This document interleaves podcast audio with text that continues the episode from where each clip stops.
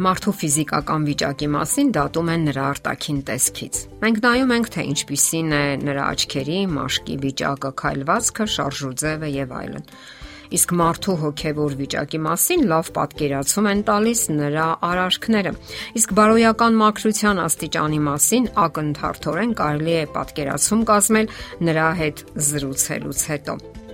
Զրույցը վկայում է անznավորության դաստիարակության, կրթության, ճաշակի մասին։ Մյուս կողմից, այսօր արդեն པարզ է, որ զրույցը տեղեկատվական ուժեղ զենք է, որը կարող է հարվածել մարդու թե ֆիզիկական եւ թե հոգեվոր առողջությանը։ Եվ ցավալին այն է, որ հաճախ մարդիկ բարերի օգնությամբ քայքայում են սեփական աշխարհը։ Հետաքրքիր փորձ է կատարել բժիշկ կենսաբան Իվան Բելիաևսկին։ Նա փորձել է ողրզել, թե ինչ ձևով են մարդկային օրգանիզմի վրա ազդում ոչ թե մեծաթիվ բառային խմբերը, այլ առանձին բառերը։ Նրա 17-ամյա փորձին աստիճանաբար միացել են իր գործընկերները։ Արդյունքները ոչ միայն հաջող էին, այլ իսկապես հայտնություն։ Գիտնականներին հաջողվեց մաթեմատիկական ճշգրտությամբ ապացուցել, որ յուրաքանչյուր բառ իր մեջ էներգետիկական լիցք է կրում, եւ այդ բառն ազդում է մեր գեների վրա, կամ երկարաձգելով մեր երիտասարդությունը եւ առողջությունը, կամ մոտեցնելով հիվանդությունները եւ վաղ ծերությունը։ Ակնհայտ է, որ տարբեր բառեր տարբեր լիցքավորում ունեն։ Դրանք նման նման են սովորական ֆիզիկայի լիցքերին, դրական եւ բացասական։ Իսկ այժմ դրանց հետ կապված խոսենք մեր աշխարհում այնքան ընդունված հայհոյախոսության մասին։ Շատ մարդկանց մոտ հայհոյախոսությունը պարզապես սովորություն է, որոշների մոտ էլ նորմա է սեռական բնույթի հայհոյանքները կամ էլ մարդկանց պիտակավորելը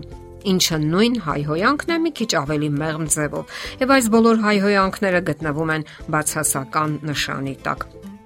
Եվ ահա 90-ական թվականներին գիտնականների վերոհիշյալ խումբը գիրք է հրատարակում, որտեղ կան մի շարք օրինակներ կապված որոշ մարդկանց վարքի ուսումնասիրությունների հետ։ Մի քանի տարի ուսումնասիրել են նույն տարիքի մարդկանց երկու խումբ։ Առաջինի մեջ մտել են նրանք, որոնք սկզբունքային հայհոյողներ են եղել, իսկ երկրորդի մեջ մտել են նրանք, ովքեր յոլա են գնացել առանց թունդ բարերի։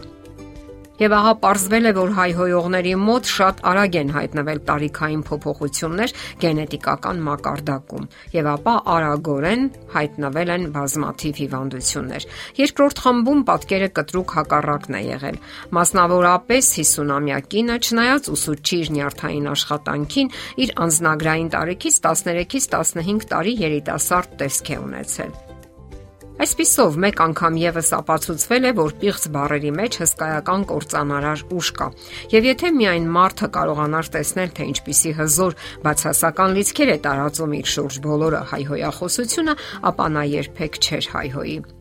Որոշ երկրներում հայհոյախոսությունը դատապարտվում է օրենքի ուժով հավասարվելով քրեական հանցագործության։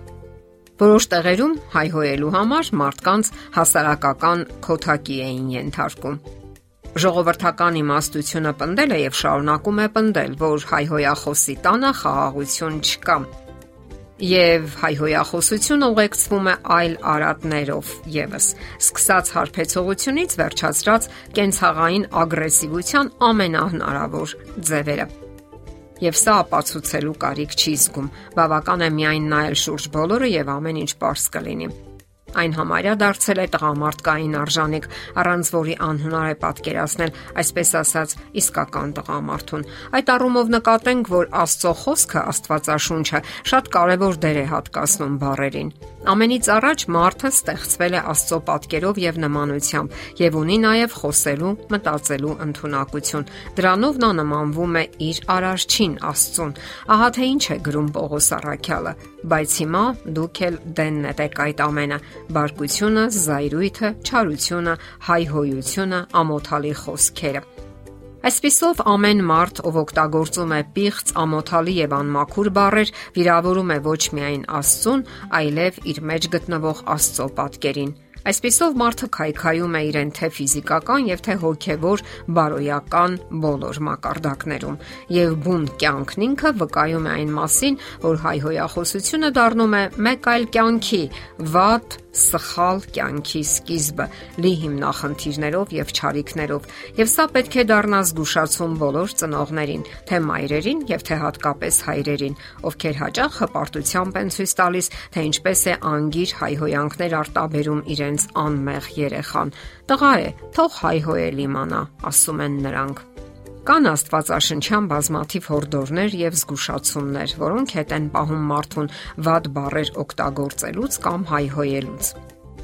Այդպես էլ լեզուն մի փոքր անդամ է, բայց մեծամեծ բաներ է բարբառում։ Տես մի փոքր կրակը, որքան անտառ է հրդեհում։ Լեզուն էլ կրակ է, մի անիրավության աշխարհ, Լեզուն մեր անդամների մեջ է դրված։ Նա է ամբողջ մարմինն ապականում եւ այրում մեր գոյության շրջանը։ Նա ինքը բորբոքված է գեհենից։